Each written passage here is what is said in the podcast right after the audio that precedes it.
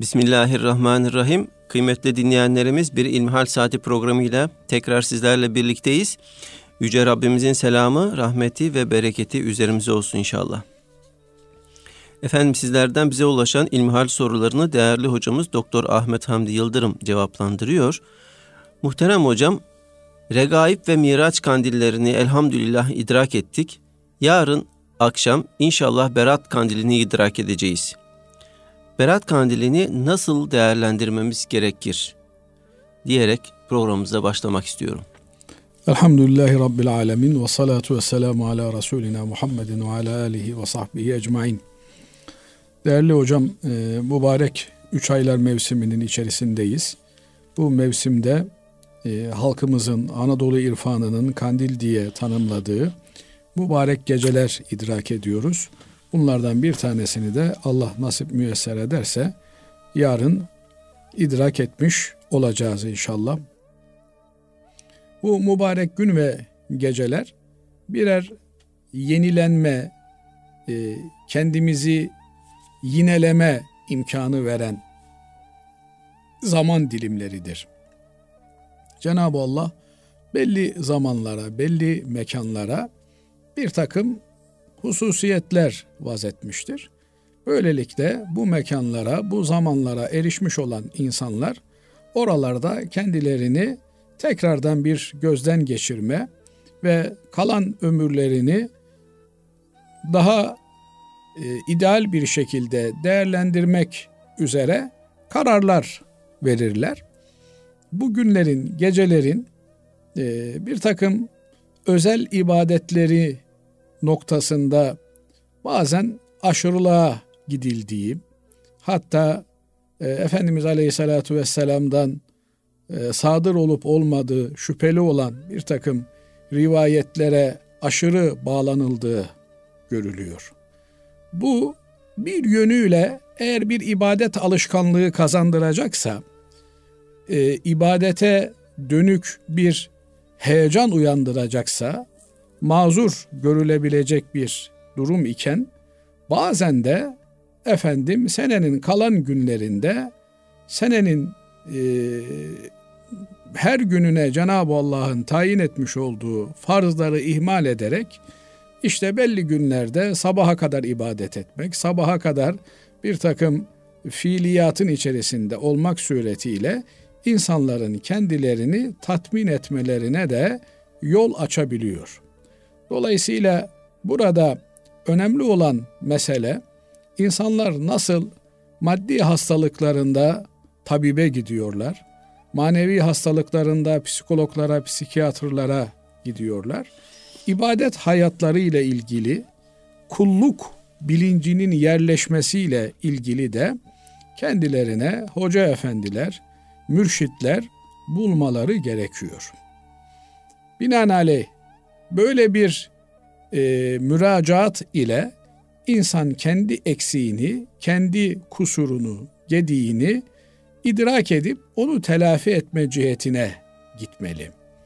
Belki bu gecelerin bizlere sağlayabileceği en önemli faydalardan biri bu gecelerin hak nezdindeki makbuliyetini de bilerek etrafımızda kolu komşumuz arasında efendim namazla cemaatle ilişiği zayıf olan kimseleri camiye, cemaate, namaza taşıyabilme gayretimiz olmalıdır.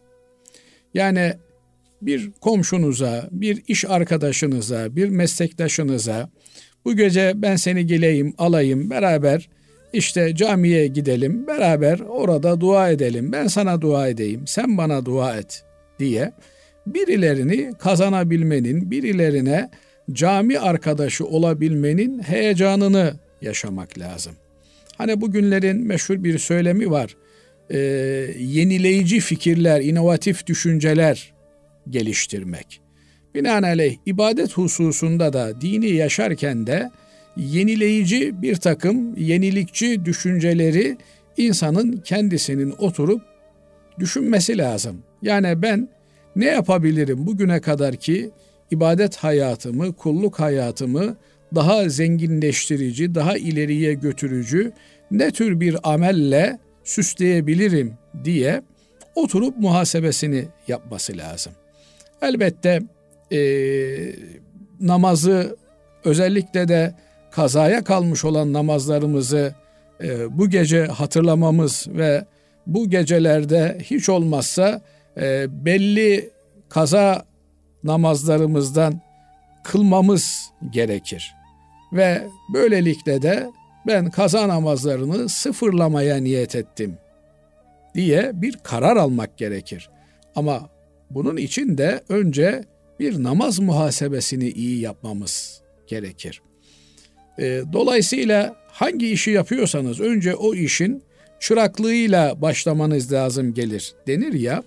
İbadet hayatımıza da kulluk hayatımıza da bu alanda çıraklıkla başlamamız gerekiyor. Yani e, kendimizi bilgi cihetiyle de donanım cihetiyle de beslememiz gerekiyor. Namazı ne kadar biliyoruz? Kur'an-ı Kerim'i ne kadar okuyabiliyoruz? Kur'an-ı Kerim'i ne kadar hisle yaşayabiliyoruz? Kur'an-ı Kerim'i günlük hayatımızın ne kadar bölümüne e, giydirebiliyoruz, yerleştirebiliyoruz diye insan bir e, muhasebe yapmalı, bir hesap, bir kitap tutmalı. Şöyle e, Berat Kandili diye tanımladığımız ve rivayetlere göre bugün de Cenab-ı Allah'ın e, bir takım karara bağlanmış olan meseleleri meleklerine bildirdiği ve meleklerin yıllık olarak aldığı talimatlar bu günde, bu gecede gerçekleşiyor. Dolayısıyla e, işin olumlu vecehesine bakıldığında beraatimizi alacağımız gece. Ama beraat alamayıp mahkumiyet giyenler de olacak. Cenab-ı Allah bizleri muhafaza eylesin. Yani Amin. bu gece bir yargı gecesi, bir yargı e, bir mahkeme kuruluyor ve bu mahkemede kimine beraat veriliyor, kimine de mahkumiyet veriliyor. Dolayısıyla bu gecede mahkumiyet almadan ber beraatimizi alabilmek, yani imanla ahirete göç edebilmenin endişesini yaşayarak bir e, tazelenme ihtiyacımız var. Yani bu gece e, yeniden bir e, sıfır kilometre ile yola çıkma imkanını Cenab-ı Allah bizlere lütfediyor, veriyor. Öyleyse oturup bir muhasebe yapmamız lazım. Bir Müslüman bir günü nasıl değerlendirmeli? Bir Müslüman bir ayı, bir haftayı nasıl değerlendirmeli? Bir Müslüman bir yılı nasıl değerlendirmeli? Müslümanlığın günlük, haftalık, aylık, mevsimlik ve yıllık e, ibadetleri nelerdir? Bu ibadetlerin içerisinde e, ferdi, şahsi ibadetlerimiz olduğu gibi içtimai ibadetlerimiz de vardır. Bunlarla ilgili biz e, ne tür bir durumdayız? İyi bir durumda mıyız? Kötü bir durumda mıyız? Mesela bir hadisi kutsi aklıma geliyor şimdi. Efendimiz aleyhissalatu vesselam Rabbul Aleminden naklen bizlere haber veriyor. Cenab-ı Allah kuluna der ki ey kulum ben acıktım sen beni doyurmadın. Ben hastalandım sen benim ziyaretime gelmedin der. Kul der ki şaşkınlık içerisinde ya Rabbi sen alemlerin Rabbisin ben seni nasıl doyururum? Sen alemlerin Rabbisin, hiçbir şeye ihtiyacın yok. Sen müstahnisin, sen sametsin. Sen nasıl hasta olursun da ben seni ziyaret etmek durumunda olurum. Rabbul Alemin buyurur ki, e, senin yanındaki filan kulum aç kaldı, onu doyursaydın beni doyurmuş olurdun. Hastalandı, ona ziyarette bulunsaydın, bana ziyaret etmiş gibi ben sayardım buyurur.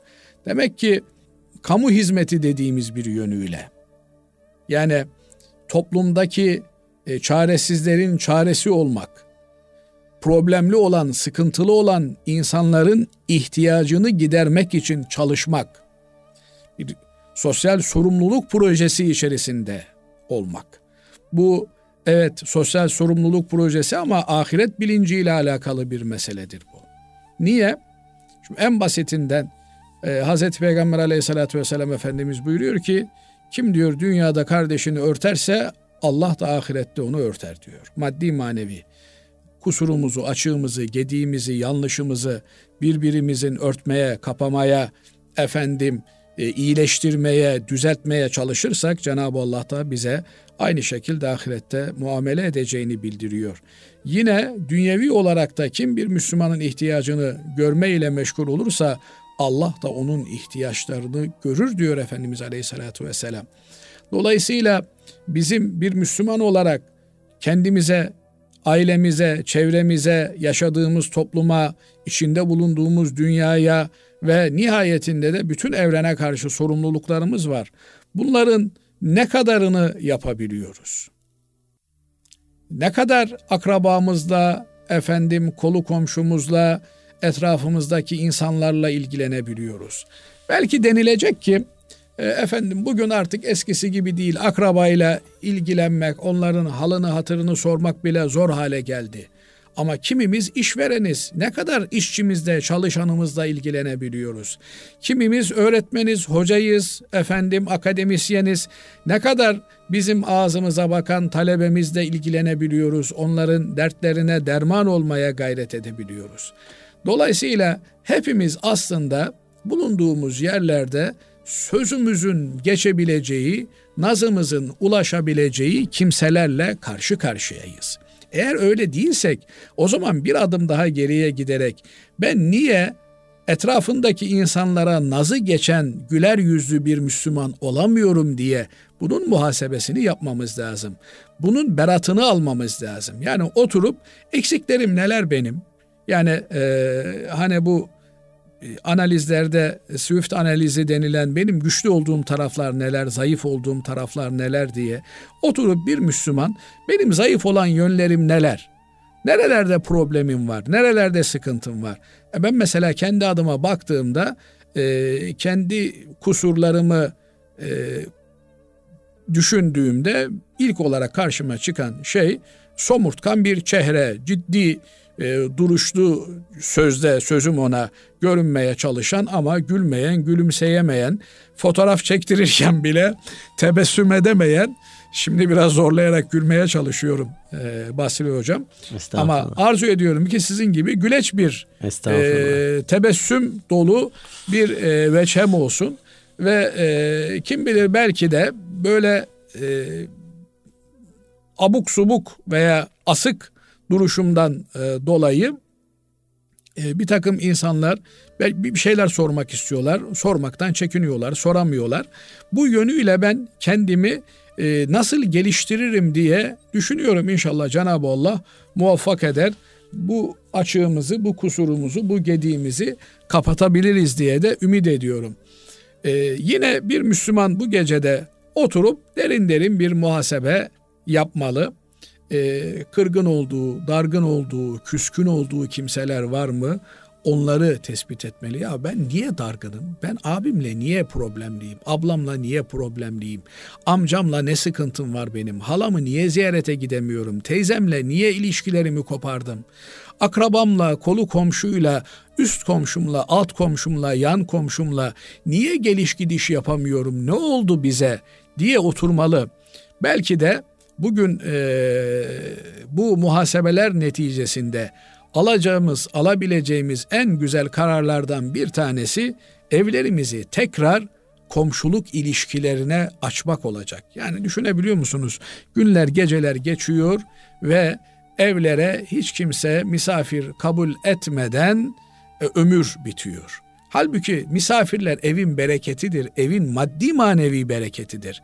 Misafir olan evde dargınlık, küskünlük olmaz. Gücenme vesaire filan bulunmaz. Sabah akşam bir evin misafirlerle dolu olduğunu düşünün. O ev meleklerin ziyaretgahı haline gelir. Ee, bu yönüyle elhamdülillah yani e, sohbetlerimiz vesairelerimiz hiç olmazsa bir nebze bunu karşılıyor ama bunun daha ötesine gitmek gerekiyor. Sadece efendim beyler olarak eve misafir getirmek değil, çocukların da misafir getirmesinin önünü açmalıyız. Yani mesela oğlumuz akşam misafirlerini eve getirebilmeli. Efendim e, evde mutfakta o o e, evladımızın misafirleri için kızımız misafir getirebilmeli, o misafirleriyle oturabilmeli, konuşabilmeli. Özellikle de insanlara söyleyecek bir sözü olan, ulaştırılacak bir mesajı olan kimselerin bu noktada e, kendilerini topluma açmaları gerekiyor, dünyaya açmaları gerekiyor. Bu noktada cimrilik yapmak kimsenin hakkı değil. Bu geceleri bence bu tür muhasebelerle geçirebilmemiz lazım. Elbette bu muhasebeler e, bu geceyi Kur'an okuyarak geçirmeye, e, nafile namaz kılarak geçirmeye, efendim kaza namazı kılarak geçirmeye mani değil. Fakat asıl bu gecelerin bize kazandıracağı şey e, yeni bir atılım yapabiliyor muyuz? Yani ağır aksak kıldığımız efendim e, fireli kıldığımız teheccüd namazına bundan sonra ben asla bırakmadan devam edeceğim e, diye bir kararla başlayabiliyor muyuz? Kur'an-ı Kerim okumayı ben her gün Kur'an-ı Kerim'e e, bakmadan o günü geçirmeyeceğim diye Kur'an'la sözleşerek bir e, karar alabiliyor muyuz? Bunların önemli olduğunu düşünüyorum. Cenab-ı Allah bu berat gecesinde e, beraatimizi alabilecek e, bir takım kararları alabilmeyi bizlere nasip eylesin diye de dua ediyorum. Hem kendime hem de dinleyenlerimize, bütün ümmeti Muhammed'e Cenab-ı Allah bu fırsatı versin diye niyaz ediyorum. Allah razı olsun kıymetli hocam. Efendim şimdi e, dinleyicimizden gelen bir e, soruyla devam etmek istiyorum. Diyor ki, ben bir e-ticaret şirketinde yazılım geliştirici olarak çalışıyorum. Sitede satış yapan firmalar ödemelerini belli bir gün sonra toplu olarak alıyorlar. Örneğin teslimattan sonra 14. gün gibi. Bu sözleşme ile sabittir. Şimdi yeni bir özellik olarak istenirse bu 14. gün gelmeden paralarını erken alabilmeleri için bir çalışma yapılmakta. Çalıştığım e-ticaret sitesi ile üçüncü bir firma entegrasyonu yapılarak bu ödemeleri isterse satıcıya belli bir komisyon tahsil ederek yapıyor. Ödemeyi üçüncü firma yapıyor. Komisyonu da üçüncü firma alıyor. Biz sadece o firma ile entegrasyonu sağlayan kodları yazıyoruz. Şimdi benim bu konudaki sorum şudur. Bu ödemenin erken yapılması ile alınan komisyon noktasında bu faiz midir? İkinci olarak benim yazılımcı olarak bu projede çalışmam yani kod yazmam caiz midir diye soruyor. Hiç yapmadığımız bir şeyi yapalım. Böyle kesin e, net bir cevap verelim. Bu üçüncü bir firmanın araya girerek e, erken ödeme mukabilinde e, iskontolu ödeme yapması yani adamın 100 lira alacağı var birinci şirketten üçüncü bir şirket geliyor diyor ki ben sana diyor 10 gün beklemeden 2 hafta beklemeden paranı hemen ödeyeyim ama 100 lira değil de 80 lira ödeyeyim. Bunun adı faiz. Dolayısıyla böyle bir işlem yapmak caiz değil. Bunu da Hazreti Peygamber aleyhissalatü vesselam Efendimiz borcu satışı yasaklayan hadisiyle nehyediyor. Yani diyor ki borç satılmaz diyor. Şimdi borcun devri söz konusu olabilir, havale yapabilirsiniz. Benim e, işte Basri hocama olan borcumu git Mehmet hocamdan e, tahsil et diyebilirim ben Basri hocama. E, dolayısıyla bu havale işlemi ayrı bir işlem. Ama birinin gelip de e, senin Basri hocaya olan borcunu ben satın alıyorum. Bundan sonra ben sana işte e, ee, 100 lira yerine 80 lira vereceğim. Basri Hoca ile ben muhatabım türünden birinin araya girip de e, borç satın alması caiz görülmemiş. Bu tür şeyler yani e, komisyonlar araya giren e, şimdi bu yaygınlaştı tabii. E, bu büyük şirketler tarafından da yapılıyor. Tahsil edilemeyen alacaklar üçüncü şirketlere devrediliyor ve bu şirketler toptan bu alacakları işte 100 milyonluk tahsil edilemeyen bir alacak var. Şirket geliyor ben bu 100 milyonluk alacağı işte 5 milyon karşılığında sizden satın alayım diyor. Ondan sonra da o 100 milyonluk alacağı tahsil edebilmek için avukatlar marifetiyle efendim alacak davaları açıyor. Böylelikle bir kazanç kapısı doğmuş oluyor. E, bunu ekonomik olarak haklı gerekçelere kendilerince dayandıranlar da söz konusu. Özellikle de işte işi gücü alım satım olan bir firma alacaklarının tahsili cihetine gitmek istediğinde bunun için ayrıca bir hukuk departmanı kurmasına ihtiyaç var. Bunun maliyeti vesairesi filan iş uzun gideceği için ben diyor zaten diyor 100 liramı tahsil edebilmek için efendim 110 lira masraf yapacağım. Onun yerine diyor ben bunu 10 liraya 5 liraya bir yere sattığımda hiç olmasa nakit olarak paramı hemen tahsil edebilme imkanına kavuşacağım. Ondan sonra artık borçlu yeni alacaklıyla yeni bir hukuki sürecin içerisine girerler diyor. Oysa bunu Efendimiz Aleyhisselatü Vesselam kesin bir ifadeyle yasaklamış bulunuyor. Bunun yerine e, bu tür satış muamelesi yapmak yerine bu tür şirketlere efendim vekalet verebilirler. Sen benim alacaklarımı e, tahsil etmeye vekil tayin ettim.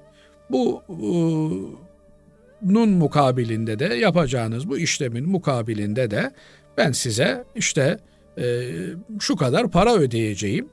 Tahsilatı yaptıktan sonra e, ben size ödemenizi yapacağım diye bir sözleşme yapabilir.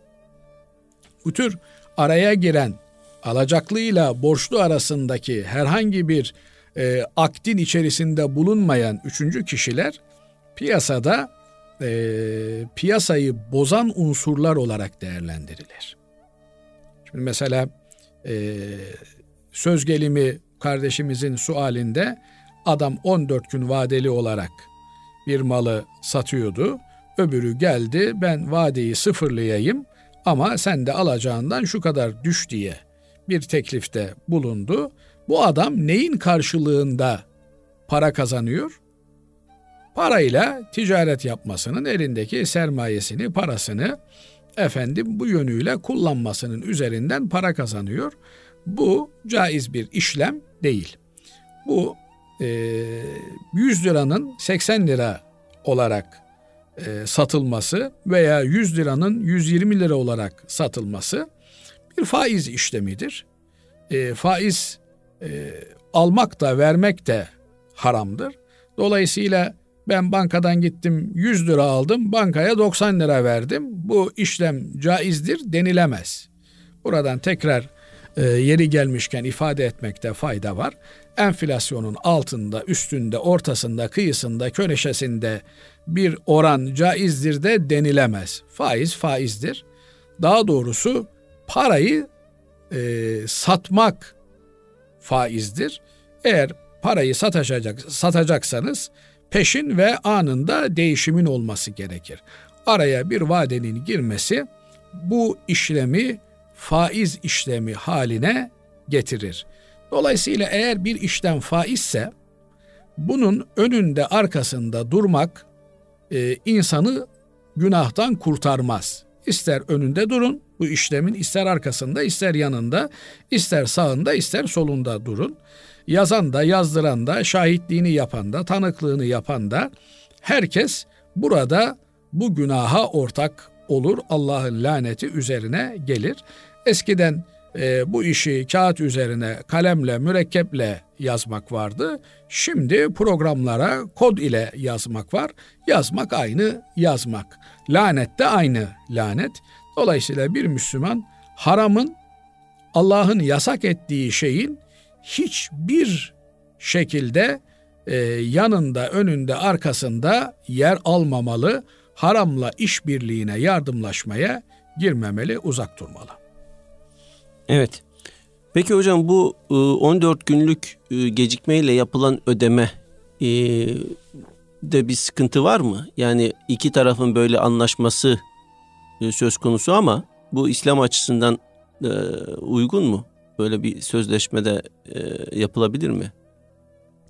Şimdi burada e, bir siteyi kuran, yöneten, site üzerinde ticaret yapan ve burada bir hizmet veren bir kesim var, bir şirket var. Bu şirketten de hizmet alan bir e, müşteri var, bir de satıcılar var. Evet. Yani bu platform satıcı ile müşteriyi buluşturan ve tahsilatı yapan platform. Evet. Bunun karşılığında da hem müşteriye hem e, oradaki satıcı konumundaki şirketlere hizmet götürüyor. Binaenaleyh parayı derleyip toparlaması vesairesi bunun kontrolünü yapabilmesi için belli bir zaman süresini buraya e, koyabilir. E, burada e, satış her ne kadar şirketten müşteriye yapılıyorsa da arada bu platform gözüktüğü için, bu e-ticaret platformu gözüktüğü için müşteri ödemeyi bu platforma yapıyor. Evet. Dolayısıyla e, ana satıcı bu platforma vadeli olarak satmış oluyor. Yani nasıl ben gittiğimde e, bakkala e, Ahmet amca veresiye yaz dediğimde oluyorsa veya işte bir hafta sonra ödeyeceğim dediğimde oluyorsa burada da bu vade evet. e, konulabilir, söz konusu olabilir. Evet. Allah razı olsun hocam. Efendim şimdi kısa bir araya gidiyoruz. Aradan sonra inşallah e, sorularımızla devam edeceğiz. Kıymetli dinleyenlerimiz İlmihal Saati programımıza kaldığımız yerden devam ediyoruz. Muhterem hocam, inanç konusunda zorlama olmaz. Peki ibadet konusunda zorlama olabilir mi diye soruyor dinleyicimiz. Şimdi e, inanç konusunda zorlama olmaz ifadesi de e, aslında tek başına doğru bir ifade değil. Yani e, inanç meselesi, iman meselesi kalbi bir meseledir. İnsanların kalpleri Cenab-ı Allah'ın elindedir. Biz bile kendi kalbimize sahip olmaktan aciziz. Bir başkasının bizim kalbimize gelip tahakküm etmesi mümkün değildir. Ha zorlarsınız birini bundan sonra ben Müslümanım diyeceksin diye ama onun kalbinden iman edip etmemesini temin etme şansınız, imkanınız yoktur. Bu yönüyle Cenab-ı Allah la ikrahe fid din buyuruyor. Dinde, dine girmede zorlama yoktur. İnsanlar hür iradeleriyle, kendi istekleriyle Müslüman olmaya karar vermelidirler. Fakat Müslüman olmaya karar verdikten sonra Müslümanlığın gereğini yapıp yapmama noktasında ben özgürüm nasıl Müslüman olmaya kendi özgür irademle karar verdimse namaz kılıp kılmamaya, zekat verip vermemeye de kendi özgür irademle karar veririm deme noktasında değiller. Evet, özgür iradeleriyle karar verecekler ve dinin bu ahkamını, ibadetleri yerine getirecekler. Niye? Öbür türlü e, işin münafıklığı ortaya çıkmış olur. Yani din efendim entelektüel bir tatmin aracı değildir. Bir e, izim değildir. Yani ben bu düşünceyi benimserim ama bunu hayatıma uygulamam denilecek bir şey değildir. Din kelimesi boyun eğmek anlamına gelir, borçlanmak anlamına gelir, kabullenmek anlamına gelir. Dolayısıyla bir insan bir dine mensup olduğunda o dinin gereklerini yerine getirmeyi taahhüt etmiş demektir. Aksi halde o dine girmiş olmaz zaten. Hani bir insan Müslüman olurken dese ki ben Müslüman oluyorum ama namaz kılmayacağım. Namaz kılmayı kabul etmiyorum dese o Müslüman olmaz zaten. Böyle bir Müslümanlık olmaz. Müslümanlık Allah'ın azze ve celle'nin el yevm ekmeltu lekum dinekum bugün dininizi tamamladım dediğindeki din ne ise onun tamamını uygulamayı kabul ederek bir insanın benimsediği bir dindir. Ama bir insan ben bütün dini kuralları, vecibeler yerine getireceğim diyerek kabul ettikten sonra tembelliğinin, unutkanlığının efendim bir takım beşeri zafiyetlerinin kurbanı olarak bir takım ibadetlerde gevşeklik gösterse O onunla Cenab-ı Allah arasındaki bir meseledir. Fakat kimse beni namaz kılmaya zorlayamaz türünden bir davranış veya böyle bir düşünce doğru bir düşünce olmaz. Mamafi Müslüman bir çocuk, Müslüman anne babadan dünyaya gelmiş olan bir çocuk e, akil ve balih olduğunda yani aklı idrak etmeye başladığında, akli melekeleri yerinde olduğunda, ergenlik çağına geldiğinde mükellef dediğimiz yani ibadetlerle sorumlu hale gelir. Bundan sonra ibadetlerini kesintisiz olarak yerine getirmesi lazım. Fakat bundan önce de Efendimiz Aleyhisselatü Vesselam 7 yaşına geldiğinde çocuklarınıza namazı emredin diyor. Onlara namaz kılmayı e, emretmek, onları namaza alıştırmak demek. Onlarla beraber namaz kılmak demek.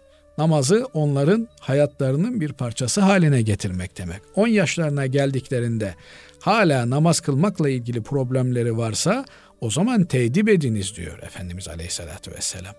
Yani çocuğun efendim e, maddi manevi gelişimine münasip bir şekilde onu ikaz ediniz. Bu ikazın içerisinde yeri geldiğinde dövmek de var. Evet dövmek, acı vermek, ızdırap vermek anlamına gelmiyor burada. Ama işin ciddiyetini göstermek anlamına olayın mahiyetinin önemine binaen Efendimiz Aleyhisselatü Vesselam tarafından yapılan bir uyarıdır anne babalara. Burada dikkat edilmesi gereken önemli bir husus 10 yaşına gelmiş çocuk mükellef değildir. Yani Allah Azze ve Celle onu namazla sorumlu tutmuyor, oruçla sorumlu tutmuyor. Fakat bu çocuğun bu ibadete alıştırılması lazım. Öbür türlü aksi halde e, bu çocuk e, yetiştiğinde e, bu ibadetleri yerine getirmekte zorlanacaktır. Şimdi İş böyleyken 30 yaşına gelmiş, 40 yaşına gelmiş bir kimse ben namaz kılmak istemiyorum dediğinde buna e, namazı kılacağını hatırlatmak lazım. Evet dövebilir miyiz? Hırpalayabilir miyiz? Yok bu bizim yetkimizde olan bir şey değil. Nihayetinde insanlar birbirlerine karşı e, güzel sözlerle, muhabbetle, öğütle efendim davranırlar. Ee, onların aralarındaki ilişki bil haseneti vel mev'iz e, bil hikmeti vel mev'izatil haseneti. Hikmet ve güzel nasihatle oluşan bir e, ilişkidir. Bizler birbirimize bu yönüyle eğer tabiri caizse mobbing uygularız. Yani namazı kılmayan bir kimseye e, ben namaza gidiyorum, hadi sen namaza gelmiyor musun? Namaz vakti geçiyor. Bak ezan okundu. Efendim müezzin bizi çağırıyor türünden namazı hatırlatacak, namazı onun devamlı duymasını sağlayacak türden bugünün moda ifadesiyle mobbing uygularız. Bu da bir müddet sonra o kimsenin de inşallah namaza başlamasına, namazın tadını almasına sebebiyet verir. Ama eğer bir kimse çıkıyor namazla ilgili ulu orta namaz kılmaya ne gerek var kardeşim? Bu namazı birileri bizim başımıza musallat etti diye ileri geri konuşuyorsa o zaman nus ile uslanmayanın hakkı kötektir. Fermanınca bu kimseye davranmak gerekir. Bunu boykot etmek efendim e, ve e, bütün insanlara da sapık olduğunu, sapkın olduğunu bildirmek artık Müslümanların boynunun borcu haline gelir. Evet. Bir Müslüman kendisi içmediği halde başkalarına onların hayat tarzına da saygı duyuyorum diyerek alkollü içecekler sunabilir mi, ikram edebilir mi? Müslüman olarak edemez. Yani bu açık ve net olarak söylemek lazım. Ben Müslümanım efendim zinakarın zinasına saygım var. Katilin katline saygım var. Efendim bilmem neyin bilmem neliğine saygım var diye böyle abuk subuk kendiyle çelişen manasız e, tamamen algıya yönelik bir ifade bir Müslümandan sudur etmez. Müslüman Müslümandır. Müslümanın liberali, demokratı, komünisti, sosyalisti olmaz. Müslüman Müslümandır. Müslüman kimdir? Müslüman Hazreti Peygamber aleyhissalatü vesselam Efendimizin sünnetine tabi olan kimsedir. Yani onun çizdiği yoldan giden kimsedir. Ben Müslümanım, ben başörtülüyüm. E ama insanların e, hayat tarzlarına da saygılıyım. E nasıl onların bana saygılı olmalarını bekliyorsam Müslüman olarak kapalı olduğum için ben de onların affedersin çıplak gezme hürriyetlerine saygı gösteriyorum. Böyle bir ifade yani eğer çıplaklık, çıplak gezmek saygı gerektiren bir şeyse o zaman sen de açıl. Sen de e, saygın bir birey ol. Yok eğer çıplaklık saygınlık değilse ben buna saygı gösteririm demek. O bana saygı gösteriyor ben de buna saygı göstereyim. Bu tamamen demagoji kokan bir şeydir. Bir kimse e, benim efendim e, insani davranışıma, imani hareketime saygı gösteriyor diye ben onun suç olan, kabahat olan, hukuksuz olan eylemlerine saygı göstermem gerekmez. Bu sapla sabanı birbirine karıştırmak demektir. Yahu kardeşim e, o benim efendim e, hayat hakkıma saygı gösterdi. Ben de onun insanları avlama hakkına saygı gösteriyorum. Bir defa bu bir hak mı? Yani içki içmek bir hak mı? Meseleyi Müslüman bu açıdan değerlendirir. İçmi içki içmek bir hak değildir. Bir Müslümanın içki içmesi e, Allah'a karşı isyan etmesi demektir. Allah'ın lanetini üzerine çekmesi demektir. Ha bu kardeşimiz şunu söylese ya adam Müslüman değil, gayrimüslim. Onun dininde içki yasak değil. Ben onun içki içmesine karışmam. Niye?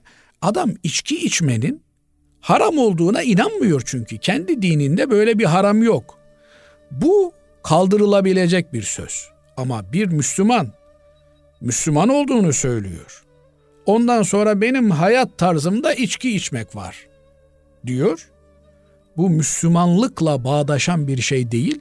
Bir Müslümanın da buna saygı göstermesi diye bir şey söz konusu olmaz. Kaldı ki gayrimüslimler e, içkilerini vesairelerini kendi dar alanlarında reklamını yapmaksızın, Müslümanın gözüne batırmaksızın içerler. Öyle ortalık yerde içkinin reklamını yaparak çoluk çocuğun gözünün önünde bir de kalkıp da bunun efendim e, propagandasını yapacak bir şekilde içki içmelerine müsaade edilmez. Eğer bu e, yürek, bu cesaret varsa eroin kullananların da eroin kullanma hakkına hadi saygı göstersin. Allah'a karşı pervasızca, edepsizce, ahlaksızca savaş ilan eden kimse kalksın o zaman esrar kullananların da esrar kullanma hayat tarzlarına saygı göstersin. Masada esrar servisi yapsın. Yüreği varsa, cesareti varsa. Nasıl olsa e, sahipsiz köy bulmuş, Nasıl olsa Allah'ın dinine laf söyleyene kimsenin bir şey dediği yok. Kalkıp da efendim orada bir algı operasyonu yapmak e, ahmaklığın, ahlaksızlığın e, ifadesidir. Başka bir şey değildir. Bunu konuşmaya bile değeceğini düşünmüyorum. Müslüman kendisi nasıl yaşıyorsa insanların da öyle yaşaması için gayret eder. Yahu ben Müslümanım cennet diye bir beklentim var. En azılı düşmanımın bile o cennete girmesi için çalışmakla mecburum. En azılı gavurun, katilin, caninin bile Müslüman olup cenneti benimle paylaşması için gayret göstermekle mükellefim. Ben onun yani eğer ben inanıyorsam içki haramdır ve içki insanı maddi manevi dünyada ve ahirette perişan eder, ben senin çok saygılıyım kendini öldürmene. O zaman kezzap servisi de yapsın intihar etmek isteyenlere. Estağfurullah ya Rabbi. Evet. Değerli hocam, e, dinleyicimiz diyor ki rüya bana zarar verir mi? Rüya bana zarar verir mi? Güzel. Rüya zarar verir insana. Nasıl verir? E, psikolojik takıntı haline getirirse bazı şeyleri insanın psikolojisi bozulur. Onun için eğer rüya gören bir kimse ise bu kardeşimiz rüya ile ilgili bir takım temel meseleleri bilmesi lazım. Bunların başında rüyanın e, salih olan, sadık olan ve olmayan kısımları diye iki kısmı vardır. Rahmani olan ve şeytani olan rüya diye iki kısmı vardır. Rahmani olan rüya e, gayet aydınlık, berrak ve net hatırlanabilen insanın e, hoşnut olarak uyandığı bir rüyadır. İçerisinde bir takım anlamla, anlamlandırmakta zorlandığımız e, tırnak içerisi kötü sahneler olsa da insan kalktığında kendisini böyle uyandığında mutlu hissettiği rüyadır rahmani olan rüya. Şeytani olan ise e, insan uyandığında kendisini kötü hissettiği, efendim üzerinden silindir geçmiş gibi hissettiği, rahatsız olduğu rüyadır.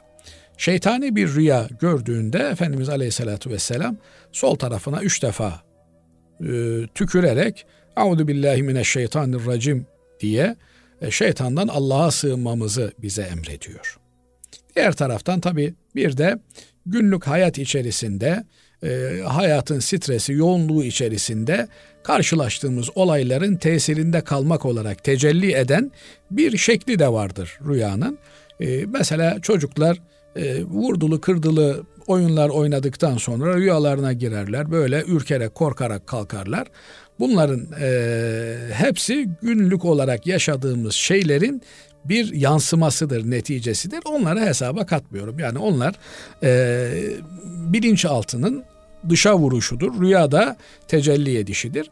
Ama asıl rüya dediğimiz rahmani ve şeytani olan rüya ki rahmani olan e, rüyanın nübüvvetin 46 parçasından bir parça olduğunu hadisler söylüyor. Bazı alimlerimiz diyor ki Peygamber aleyhissalatü vesselam Efendimizin peygamberliği 23 yıldır bunun 46'da biri olan 6 ay sadık rüyalar şeklinde tecelli etmiştir. Bu kastediliyor. Mamafi sadık rüyalar insanı yönlendiren, ona huzur veren efendim rüyalardır.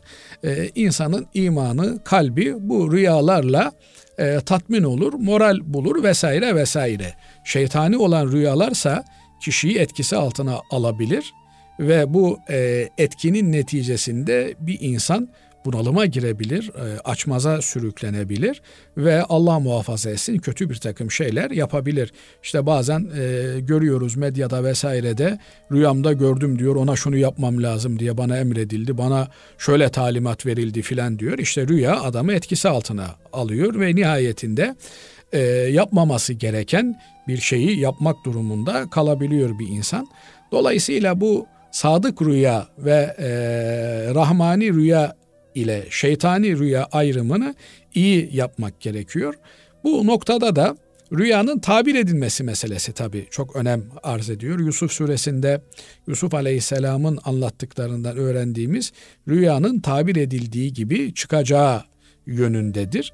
Bu noktada da kişi rüyasını lalet tayin, tanımadığı, bilmediği, etmediği, kendisiyle ilgili hayır düşüncelerinin olup olmadığından emin olmadığı kimselere anlatmamalı.